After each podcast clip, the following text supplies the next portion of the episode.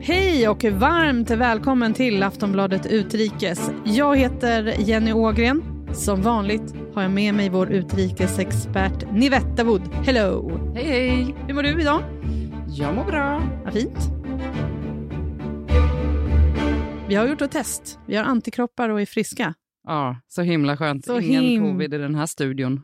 Jätte, jätte, jätteskönt. Idag är det faktiskt den 24 november. Det är en månad kvar till julafton.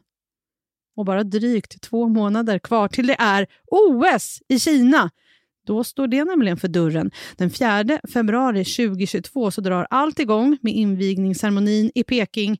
Då är det 14 år sedan Kina senast arrangerade ett OS, sommar-OS 2008. Ja, ni fattar, vi ska prata om OS i Kina. Ett OS brukar andas fest och spännande tävlingar under två veckors tid, men nu är det många som känner att festligheterna har fastnat i halsen när ett av världens största länder, som inte direkt respekterar mänskliga rättigheter, står som arrangör för de 24 olympiska vinterspelen.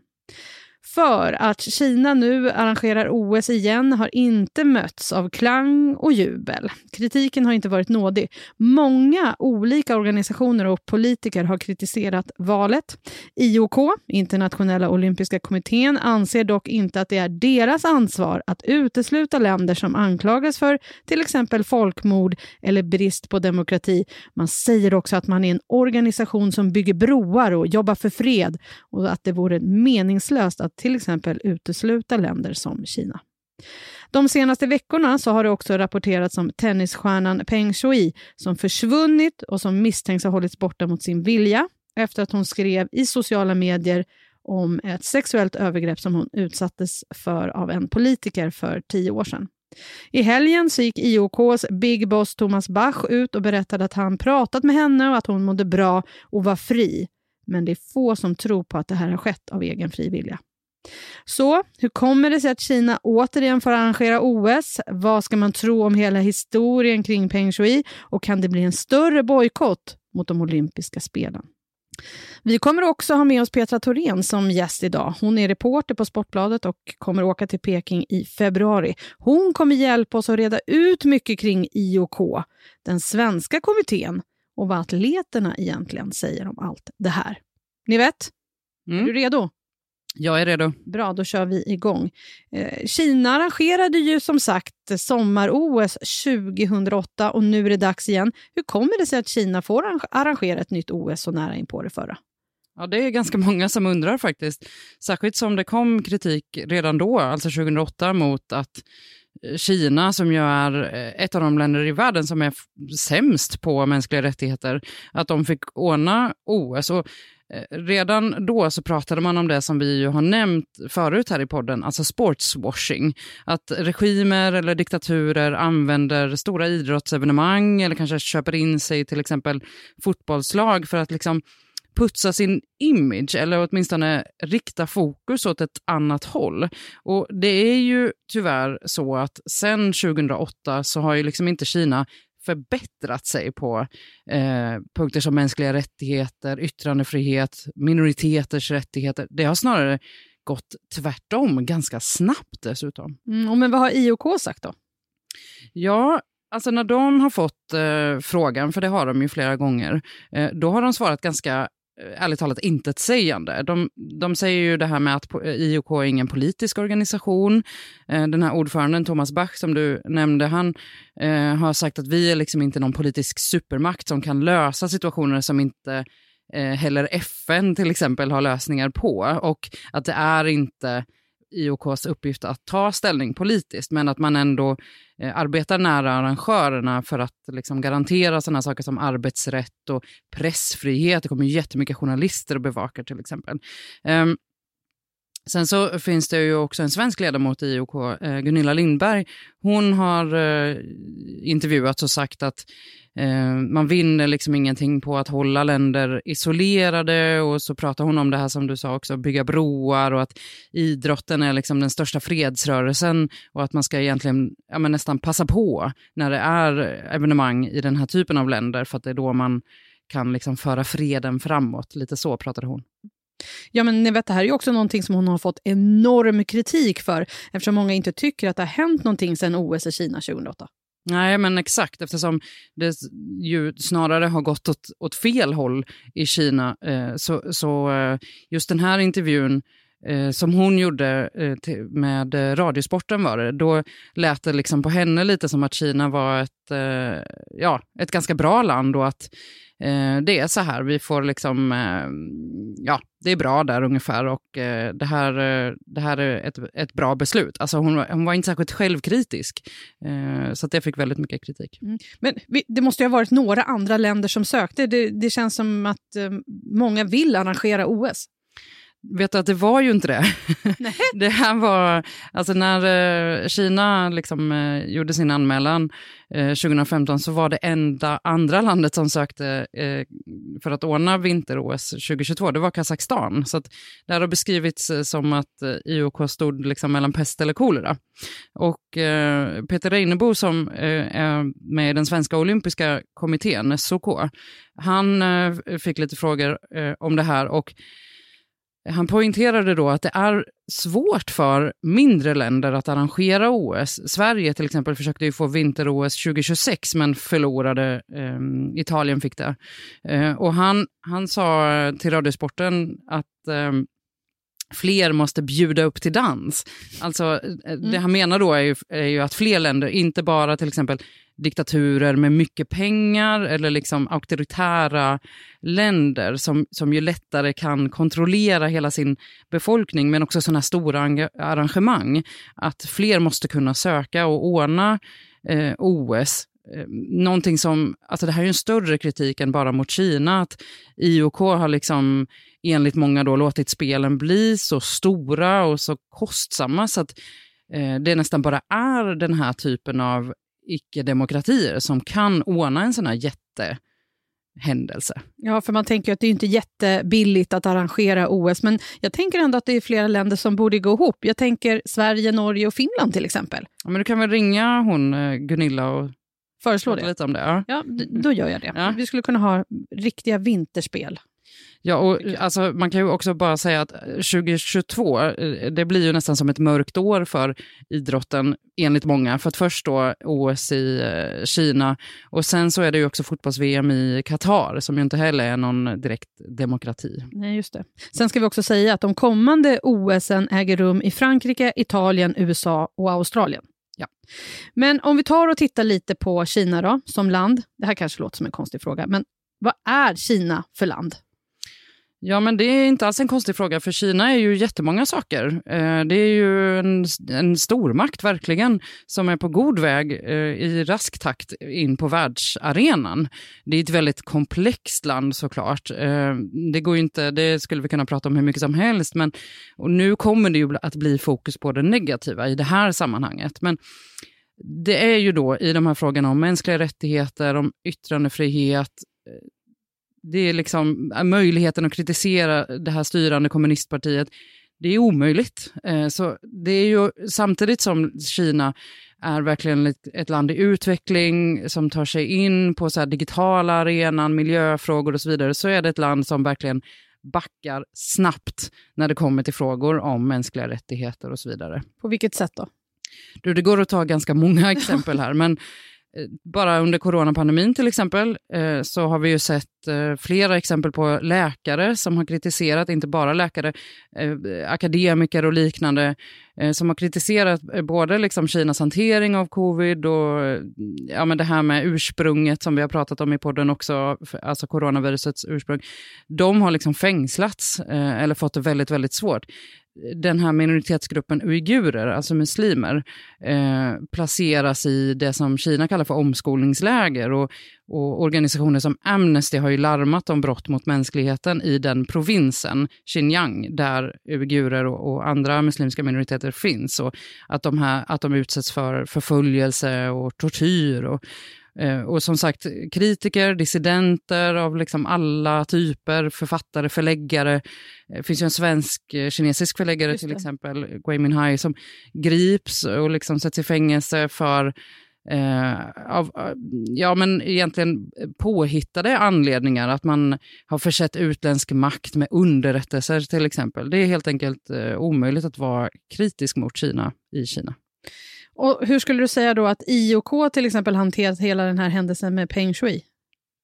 Ja, det här är ju den senaste skandalen kan man säga och den skiljer faktiskt ut sig lite från tidigare händelser. För att det var ju i början av november så berättade hon eh, på alltså kinesiska motsvarigheten till Twitter, Weibo, att hon hade haft ett förhållande med en tidigare eh, vice premiärminister, högt uppsatt eh, kinesisk politiker. Ehm, eh, och eh, att han efter eh, det hade utsatt henne för sexuella övergrepp.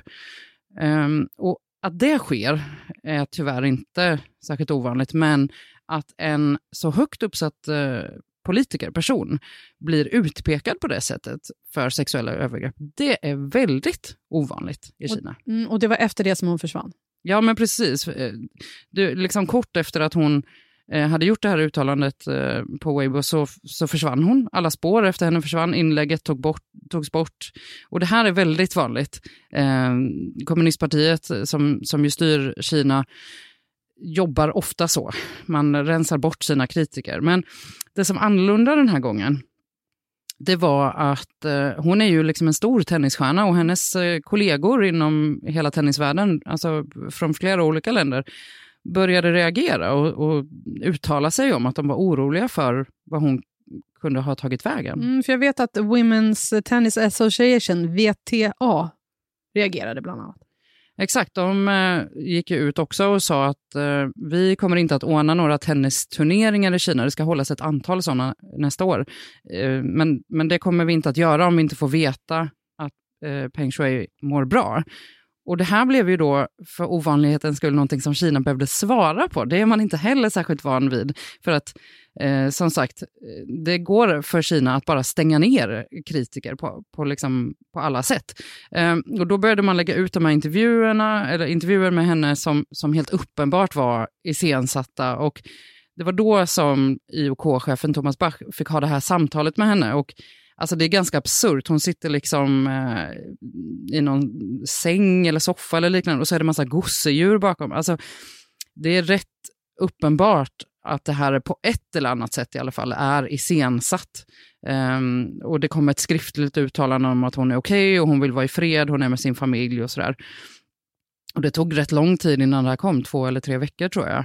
Uh, och, och, det är ju det här som har fått väldigt, väldigt stark kritik, bland annat då från VTA som, som själva gick ut ganska snabbt och sa att vi har mycket svårt att tro att det här uttalandet kommer från henne och liksom är, är ett fritt uttalat att hon, att hon mår bra. Mm, och Det är skillnaden också här på hur VTA tar emot det här eller reagerar på det och IOK.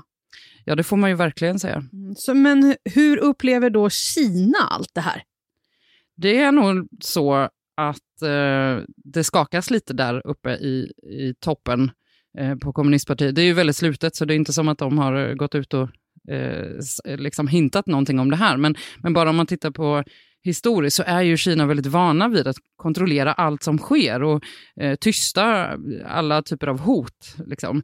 Eh, och det funkar ju inne i landet. Jag tror inte att, att debatten är, är liksom stor eh, inne i Kina, men, men det har ju inte funkat internationellt den här gången. Eh, den, det finns en, eh, ett, eh, statligt, eh, en statlig kinesisk tidning som heter Global Times. De har ju skrivit sådana här, ja, vad ska man kalla det, ledartexter. Alltså det är ju kommunistpartiets egna tidning. Liksom. Och där har de skrivit att det, det är så här de, det kommer liksom bli såna här ideologiska konflikter mellan Kina och väst och det kommer att öka nu inför OS i Peking. Och, och eh, man kallar det då för, för antikinesiska krafter som har som mål att skapa problem för Kina. Eh, och, och, eh, och, menar att det här är liksom ett stresstest för hur Kina ska svara på eh, kriser. Och sen så eh, också när den här debatten gick som, som hetast från liksom internationella eh, ja, samfundet mot Kina så sa också kinesiska UDs talesperson att eh, att politisera idrott är emot den olympiska andan. Så att, ja, det var ett tydligt svar på hur de ser på det här. Ja, det har ju också ni vet, snackats lite om att man ska bojkotta OS, men vi tar och kommer till det om en liten stund. För nu så ska vi ta och snacka med vår kollega på Sportbladet, Petra Thorén. Petra har bevakat flera OS och ska åka till Peking i februari. Nu så tror jag dock att vi har för henne när hon är på väg till eh, längdskidspremiären i Ruka, eller hur? Hej Petra! Ja, men det stämmer bra det. Jag ska till Ruka och det verkar vara väldigt kallt där och det är väl lite av en föraning av vad som väntar klimatmässigt i Peking men också kanske på andra plan. Mm. De olympiska spelen ska ju vara fria från politik. Är det IOKs ansvar att engagera sig i den här typen av frågor och till exempel utesluta länder som bryter mot mänskliga rättigheter? Jag tycker att man inte kan eh, säga någonting annat än att idrott och politik går ihop, även om det är många från idrottens led som vill poängtera att det, att inte gör det, utan eh, allting hänger ihop och, det är klart att man som en stor eh, idrottsorganisation har möjlighet att, eh, att påverka. Sen i vilken, i vilken liksom omfattning man ska göra det, det kan man kanske diskutera, men det är självklart tycker jag att, att det finns möjligheter att göra politiska ställningstaganden från, från IOC. Ja, för Svenska olympiska kommittén de har ju fattat beslut om att öppet kritisera demokratiutvecklingen i Kina, men det har inte IOK. Vad, vad innebär det att de skiljer sig åt på det viset? Ja, det, det, det, kan ju, om man tittar till exempel och gör kopplingen till, till eh, fotbolls-VM i Qatar så, så eh, kan vi också se att liksom olika nationer agerar på olika sätt. Även om eh, liksom det huvudförbundet, alltså Fifa i det fallet eller IOK i det här fallet då liksom har en linje så, så, så står det liksom ändå de enskilda förbunden och medlemmarnas eh, liksom, rättigheter att, att på sig själva liksom, dra upp en linje hur de vill agera. Det, det står ju dem fritt. Och, eh, eh, kan man ju tycka att det finns en motsättning i det, liksom. men, men jag kan också tycka att det är bra att, att det finns eh, nationsförbund eller olympiska kommittéer, nationella olympiska kommittéer som vågar ta en annan inriktning. Petra, vi pratade innan här om Peng Shui som man misstänker har hållits gömd mot sin vilja. IOK har ju gått ut och sagt att hon är okej. Varför går IOK Kinas ärenden? Ja, sannolikt för att rädda sitt eget skinn lite grann och, och, och försvara att man, eh, att man eh, arrangerar ett mästerskap i, i, en, i ett land med den regimen som råder i Kina. Sen, sen kan det väl vara så i den bästa av världar att de har en annan information som inte vi har då som, som eh, som de på det här sättet väljer att lyfta fram. Det, det ska jag låta vara osagt. Ni vet, kan man säga att IOK har blivit som Kinas propagandaorgan? Ja, det är ju den kritiken som eh, kommer nu när IOK eh, liksom blir ett verktyg för Kina att, att säga att allt är okej, okay, allt är lugnt. Så det är ju absolut det som eh, kritiken baserar sig på just nu. Och, och Petra, kan det här skada IOK på något sätt? Ja, men frågan är vad som skadar IOK. Jag tycker de här organisationerna, liksom Fifa och IOK, står pall. Liksom. Det mesta av den här liksom, kritiken som kommer utifrån i de här fallen, men det är inte första gången i historien som de har blivit kritiserade av olika skäl. Det som jag tycker är häftigt nu är ju att liksom, protesterna blir så stora och, och aktionerna blir så kraftfulla när det sker den här formen av agerande som inte, som inte människor accepterar, tycker är humana eller, eller demokratiska. Och det leder ju till påtryckningar som gör att även de här kolosserna eh, måste lyssna. Och det tycker jag är liksom en, det ligger ju i tiden och, och, där ska det bli spännande att se om det här kommer liksom bli någonting som leder till att IOK ändå måste ändra eh, sin, sin, inriktning i hur man agerar kring, kring eh, Kinafallet. Ja, för man undrar ju lite vad det är som, som pågår inom IOK. För visst var det också ganska mycket snack eh, inför eh, Tokyo-OS, eh, att, att det nästan var att det pratades om att IOK liksom pressade Japan att, att ordna OS fastän det var en svår coronasituation där. Ja, det är ju de kommersiella krafterna som styr, eh, skulle jag säga. Att, att, eh, att man har en, en Eh, Eh, man har ett mästerskap som är insålt med de tv-rättigheter som är. Det krävs otroligt mycket, inte ens en pandemi kan i slutändan stå emot att man arrangerar ett mästerskap. Så jag tror att påtryckningarna där eh, ska vi nog se som väldigt kommersiella, om jag ska vara ärlig. Sen är det så Petra, det finns atleter som har kritiserat IOK för att de lägger OS i den här typen av land eftersom man anser att OS kanske är den största tävlingen och mästerskapet eh, som man vill genomföra. Men att man också då känner sig tvingad att åka till de här länderna fast man kanske egentligen inte vill. Vad säger det om hela tävlingen, säger du? Nej, men det säger väl att eh, det är klart att det finns eh, aktiva som tycker att det känns obehagligt och, och tråkigt att ta ställning, väljer att aktivt ta ställning. Vi har ju skidskytten Sebastian Samuelsson som, som är aktiv i Sverige både i dop, anti, liksom dopingfrågor, antidopingarbetet och i den här typen av eh, liksom frågor kopplat till, till eh, demokrati. Och eh, det ja, det är väl bara att ställa sig själv. Liksom. Jag ska ju också till OS, jag åker också till Peking. Är man en del av propagandamaskinen då? Ja, vi väljer att byta datorer när vi ska gå, åka dit. Alltså, eh, hur mycket... Alltså man kan ju alltid som enskild reporter eller enskild idrottsutövare säga att nej, jag bojkottar för att det känns bra för en själv. Eh, och det tycker jag det måste vara upp till var och en och, eh, och göra det. Samtidigt så, så kan man ju välja den andra vägen då att, att eh, att vara med på plats men försöka skildra det så mycket som möjligt utifrån från den aspekten då, att man, att man faktiskt eh, kommer närmare, kommer innanför bubblorna och kanske kan, kan eh, skildra och, och liksom skicka hem dem, den formen av rapporter. Sen vet vi inte hur, hur lätt det kommer vara att göra det. Det kommer sannolikt vara ganska svårt. Vad tror du, finns det några atleter som kommer bojkotta OS? Det har ju varit diskussioner tidigare liksom om stora förbund som, som eh, har sagt att de ska bojkotta. Sen när man väl kommer ner till eh, startlinjen så är min känsla att eh, de flesta står där ändå. Liksom, för att tävlingarna, liksom, det var fjärde år som vinterolympier då, eller sommarolympier. Det var fjärde år. Det krävs rätt mycket för att man ska, för man ska verkligen verkställa liksom sitt, sitt, sitt eh, hot, om man kallar det så, för, för bojkott. Men det kan hända att det är några som, som, som ändå går hela vägen i, i det här fallet. Det finns också en pandemi och väldigt strikta covid-regler kring hela mästerskapet. Det kan ju faktiskt finnas personer som också tycker att det är ganska besvärande att, eh, att åka dit och inte tycker att det känns behagligt att vara där och tävla. Så det kan också finnas den aspekten. Vad tror du vi kan förvänta oss av OS i Peking då? Ja, jag tror att ni kan förvänta er att sitta hemma i sofforna och så är det fantastiskt. Vi jublar åt eh, Frida Karlssons guld när hon trycker dit Therese Johaug till slut eller Tre Kronors framfart liksom, i rinkarna. Och så glömmer vi av för att, eh, att eh, det där är en bild vi ser på tv. Det finns en annan verklighet där ute. Så det, det som jag hoppas ändå är ju att, att vi som är på plats ska kunna rapportera och liksom nyansera den bilden med det sagt så kommer det vara jättesvårt. Vi är alla infångade i en covid-bubbla. Vi får röra oss mellan hotell och eh, anläggningar. Vi får inte ha kontakt med utövarna förutom i mixade zonen. Vi kommer inte kunna ge oss ut på, på landsbygden i Kina och, och spegla liksom, mm, folkets egna tankar och åsikter som det här.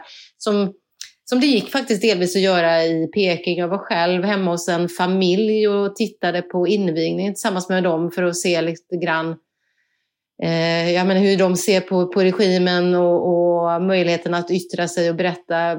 Och det var ju ett sätt att dela någonting annat än, än själva eh, glansen från de stora arenorna. Men i det här fallet så, så eh, känns det som att vi är lite bakom lås och bom, ärligt talat. Var det här 2008 eh, som du pratar om? Det var 2008, ja. Låter ändå som det passar Kina hand i handsken att det är covid och man låser in folk. De kan låsa in oss journalister. Nej, men jag minns när vi var 2008 när vi var där, då var vi eh, ute med damlandslaget eh, utanför Peking, eh, norröver Kina, i en mindre ort. Och, eh, eh jag och min kollega Jennifer Wegerup var fullständigt övertygade om att vi var avlyssnade på rummen och, och satte igång och liksom, du vet, gå i korridorerna lite snabbare och det kom folk ut från andra, andra rum. Det kändes väldigt suspekt. Vi kanske hade för livlig fantasi men, men jag är övertygad om att, eh, att de har fullständig koll på vad vi gör och i det här fallet blir det jättelätt för vi, vi kommer gå som små soldater där i våran bubbla och inte, inte spräcka den så att eh, de vet verkligen vad de har oss den här gången. Vi får följa dig och de övriga på Sportbladet under OS i Peking helt enkelt, Petra. Ni får göra det och glöm inte bort då att bakom medaljerna så finns det eh, en annan verklighet. Tack Petra Thorén för idag. Lycka till i Finland nu. Tackar. Ja, men som ni vet, eh, vad säger då Kina själva om att de faktiskt ska arrangera OS? Ja, då får vi gå tillbaka till den här eh, kinesiska tidningen eh, Global Times, det här propagandaorganet för kommunistpartiet.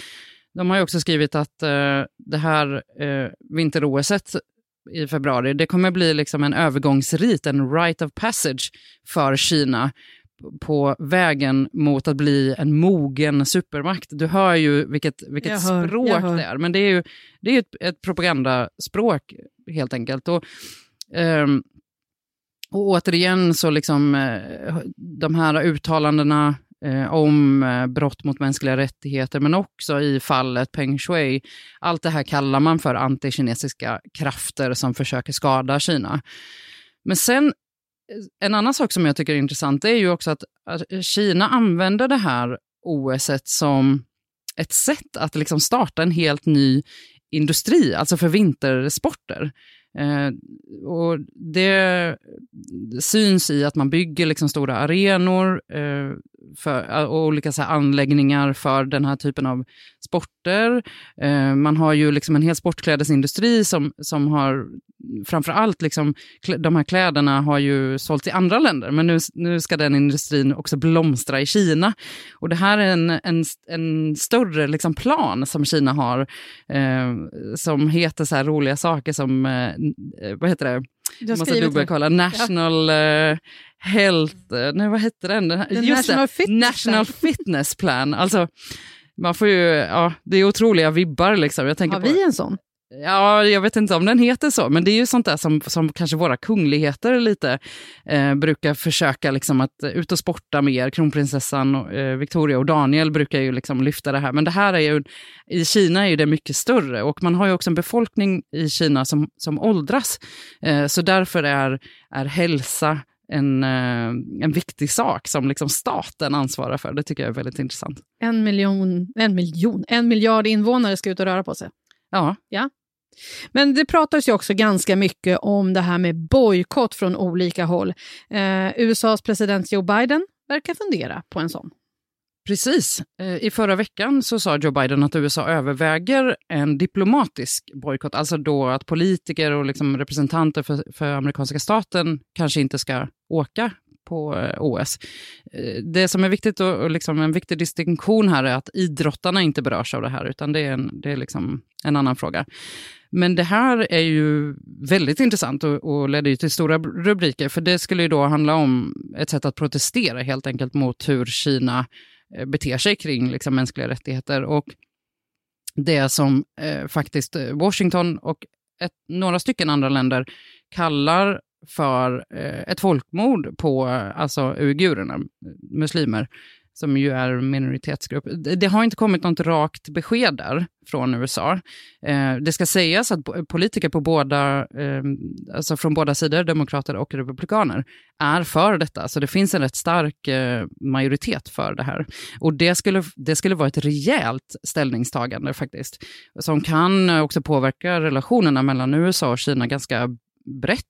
Eh, för det var ju faktiskt så att, att Joe Biden och Kinas president Xi Jinping, de hade ganska nyligen ett, ett långt samtal som många tolkade som att nu kanske eh, relationerna värms upp lite mellan USA och Kina. De var ju inte supervarma under Donald Trump. Eh, men eh, den här frågan Ja, den, den blir väldigt viktig att följa och se vad som händer. För att vad USA gör, det kan nog påverka också hur andra länder agerar. Mm. Och Sen så sa ju vår nuvarande idrottsminister Amanda Lind häromdagen att hon inte kommer att åka dit. Nu vet vi ju inte eftersom det politiska läget i Sverige är lite kaosartat. Ja, vi står ju här och spelar in exakt när detta sker i, eh, i eh, riksdagen. Ja, precis. Så, men vi antar väl kanske att hon kommer vara idrottsminister. Mm. Hon har sagt att hon inte ska åka dit. Precis. Um, och det, man får hålla liksom, det är två olika saker här. Eh, antingen så kan man ju välja att, att öppet bojkotta, och det är det som det pratas om nu i USA, eller så kan man välja att bara inte åka och sen liksom inte kommentera det mer än så. Eh, för Amanda Lind hon sa ju att hon själv inte kommer att åka, eh, men också att den svenska regeringen inte har tagit något beslut om ett eventuellt deltagande vid OS. En, en annan som också sa att hon inte ska åka, det är utrikesministern Ann Linde. Och egentligen så är det lite kan man säga sak samma, inte för att förminska på något vis Sverige eller svensk, svenska politiker, men det är rimligt att, att svenska politiker inte åker eftersom man har kritiserat Kina väldigt mycket och kraftfullt, inte minst då för Gui Minhai som, som vi nämnde förut, svensk-kinesiska förläggaren som sitter fängslad. Eh, skulle Sverige till exempel gå ut med en diplomatisk bojkott, eh, då vore ju det en helt annan sak. Mm. Eh, man kan också nämna att eh, SOK, alltså Svenska Olympiska Kommittén, de har ju också gått ut och sagt att de inte kommer att bojkotta eh, OS i Kina, men, men som vi nämnde förut, att man liksom tillåts att öppet kritisera eh, Kinas liksom behandling av mänskliga rättigheter och, och, hela situationen. Och det här tyckte jag var väldigt intressant, att att man eh, också gick ut att, och, och sa eh, ganska nyligen att man kommer att utbilda atleterna i frågor angående Kina, mänskliga rättigheter och så vidare, för att man tycker att det är, eh, liksom ligger ändå i, i uppdraget eh, för, för de som ska åka till Kina, att veta hur det landet är. Det tyckte mm. jag var väldigt intressant. Undrar om... Sen har man också sagt, jag ska bara säga, att om det skulle vara så att FN däremot går ut och säger att eh, man förespråkar en bojkott, då det kan få SOK att, att ändra sig och välja att bojkotta. Mm. Du har så mycket bra information som du behöver få ut till oss. Ja. Eh, men eh, jag undrar om man kommer göra likadant inför fotbolls-VM i Qatar, om man kommer sätta de, alla fotbollslandslag i skolbänken? Ja, det är en fråga till Fifa, va? Ja, vi slänger den frågan till Eller Fifa Svenska fotbollsförbundet förstås. Ja, men jag tänker på de andra lagen också. Mm. Eh, men vad skulle det innebära egentligen då, ministrar, politiker och kanske också kungligheter? För vi brukar ju se ganska mycket kungligheter på plats på olympiska spelen som är där och stöttar atleterna. Om de inte åker dit, vad kan det betyda? Ja, precis. Och det är igen då om de inte åker dit eller om de väljer att öppet bojkotta. Det är ju två olika frågor. Men frågan är ju eh, ja, vad blir effekten? Alltså, det är ju verkligen... Det är svårt att veta, men eh, det kanske bara blir ett viktigt förvisso, men ändå bara ett ställningstagande. Det kommer inte förändra någonting i längden. Eh, Kina kommer ju absolut inte bry sig. De har ju också eh, sagt som svar på alla de här bojkottsdiskussionerna att det liksom inte är värdigt att lägga energi överhuvudtaget på sådana här negativa tankar. Så att, det säger ju någonting. Mm, sen vet vi också så här att eh, kung, vissa kungligheter är ju involverade i olika typer av organisationer kring OS. Eh, jag pratade med eh, våra kollegor på podden Kungligt mm. och frågade, vet ni om de ska åka iväg? Mm. Vår svenska kungafamilj. Nej, men eh, schemat för 2022 är inte officiellt ännu, så vi vet väl inte riktigt hur det kommer gå. Jag tror att de kommer också följa hur den svenska regeringen agerar. Säkert, kanske också svårt att åka iväg till eh, Kina. Ja, eller så hittar man någon slags mellanting, att vi skickar en kunglighet istället för. Så har man ju också gjort tidigare. Ja, för jag har ju ändå sett legendariska bilder på kungen när han hejar på våra landslag. Ja, ja visst. De är ofta ute och... Men skulle, du, precis, men skulle du säga att det, att det har någon effekt med uh, typer av bojkott och så här? För jag tänker ändå på OS i Berlin 1936. Ja, alltså det här är ju liksom debatten nu, apropå Biden och USA och Alltså i stort liksom. Um, och det, det, det, finns två sidor kan man säga. IOK eh, som, och andra då som menar att det, det inte funkar med bojkott, de lyfter till exempel OS i Berlin, som ordnades då alltså av, av nazistregimen i Tyskland. Och, och säger att det, det, det här är det bästa sättet att nå isolerade länder genom idrott. Att det är inte, eh, det är inte liksom Eh, direkt diplomati, men det är ett sätt att ta sig in och bygga broar och att, eh, ja, att, det, att det är ett, ett bra sätt att bibehålla diplomatiska relationer, att det är bättre att åka dit eh, än att bojkotta, för då kan man liksom pressa lite mer inifrån. Eh, och att man liksom, eh, att det till och med kan vara negativt att inte åka, för att då kan, ja, då blir ju det ett ställningstagande liksom, som kan hota diplomatin. Mm. Um, och sen kan man ju göra olika statements. Alltså idrottarna kan ju välja att göra olika statements och det har faktiskt alltså, lättats upp lite mer, att de får faktiskt också kommentera mycket mer än, Mm. än tidigare. Eh, och det finns ju sådana statements, till exempel 1936 när, när eh, Jesse Owens vann fyra guld. Alltså det var ju verkligen ett slag i ansiktet mot Hitler. Mm. Eh, eller eh, medaljceremonin i Mexico City 1968. Det är ju eh, den här ikoniska bilden, två afroamerikanska idrottare som höjer en knuten näve eh, under den amerikanska nationalsången. Alltså ett stöd då för Black Power-rörelsen. Och så finns det de här som, som Petra också nämnde, eh, som tycker att nej, man ska inte blanda sport och politik.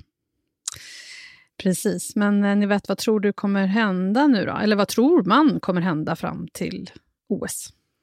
Den här diskussionen kommer nog att eh, pågå eh, så länge som eh, USA inte ger något rakt besked. Ehm, och sen faktiskt så tror jag att det kan bli intressant också vad Tyskland väljer för inriktning. Ehm, för där har ju Angela Merkel lett Tyskland mot ökad investering i eh, Kina till exempel. Och hon har ju verkligen varit en sån här som, som förespråkar samarbete mm, liksom, och eh, ja, eh, ekonomiskt och så vidare. Men hon har faktiskt varit väldigt tydlig med att det här är en fråga för kommande regering, för hon ska ju avgå nu så fort en sån koalition då har bildats. Och eh, det kommer bli väldigt intressant om de gröna, alltså partiet i Tyskland, får utrikesministerposten, för de har ju sagt rätt tydligt eh, att de vill ha en hårdare linje mot Kina. Så att det kan faktiskt bli det som lite tippar över, beroende på såklart vad USA väljer att göra. Det är inte bara i Sverige det är kaos. Nej. Tyskland är fortfarande inte klar med sin regeringsbildning och det är, snar- det är två månader sedan det var val. Ja, Mm. precis.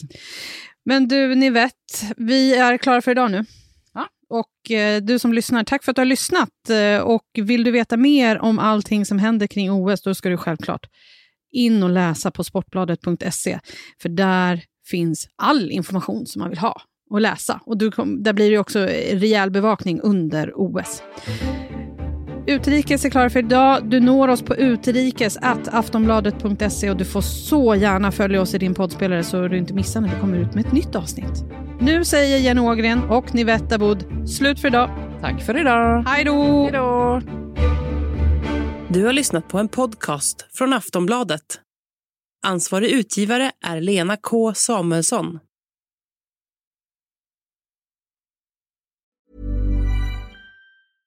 Ready to pop the question? The jewelers at BlueNile.com have got sparkle down to a science with beautiful lab grown diamonds worthy of your most brilliant moments. Their lab grown diamonds are independently graded and guaranteed identical to natural diamonds, and they're ready to ship to your door. Go to BlueNile.com and use promo code LISTEN to get $50 off your purchase of $500 or more. That's code LISTEN at BlueNile.com for $50 off. BlueNile.com code LISTEN.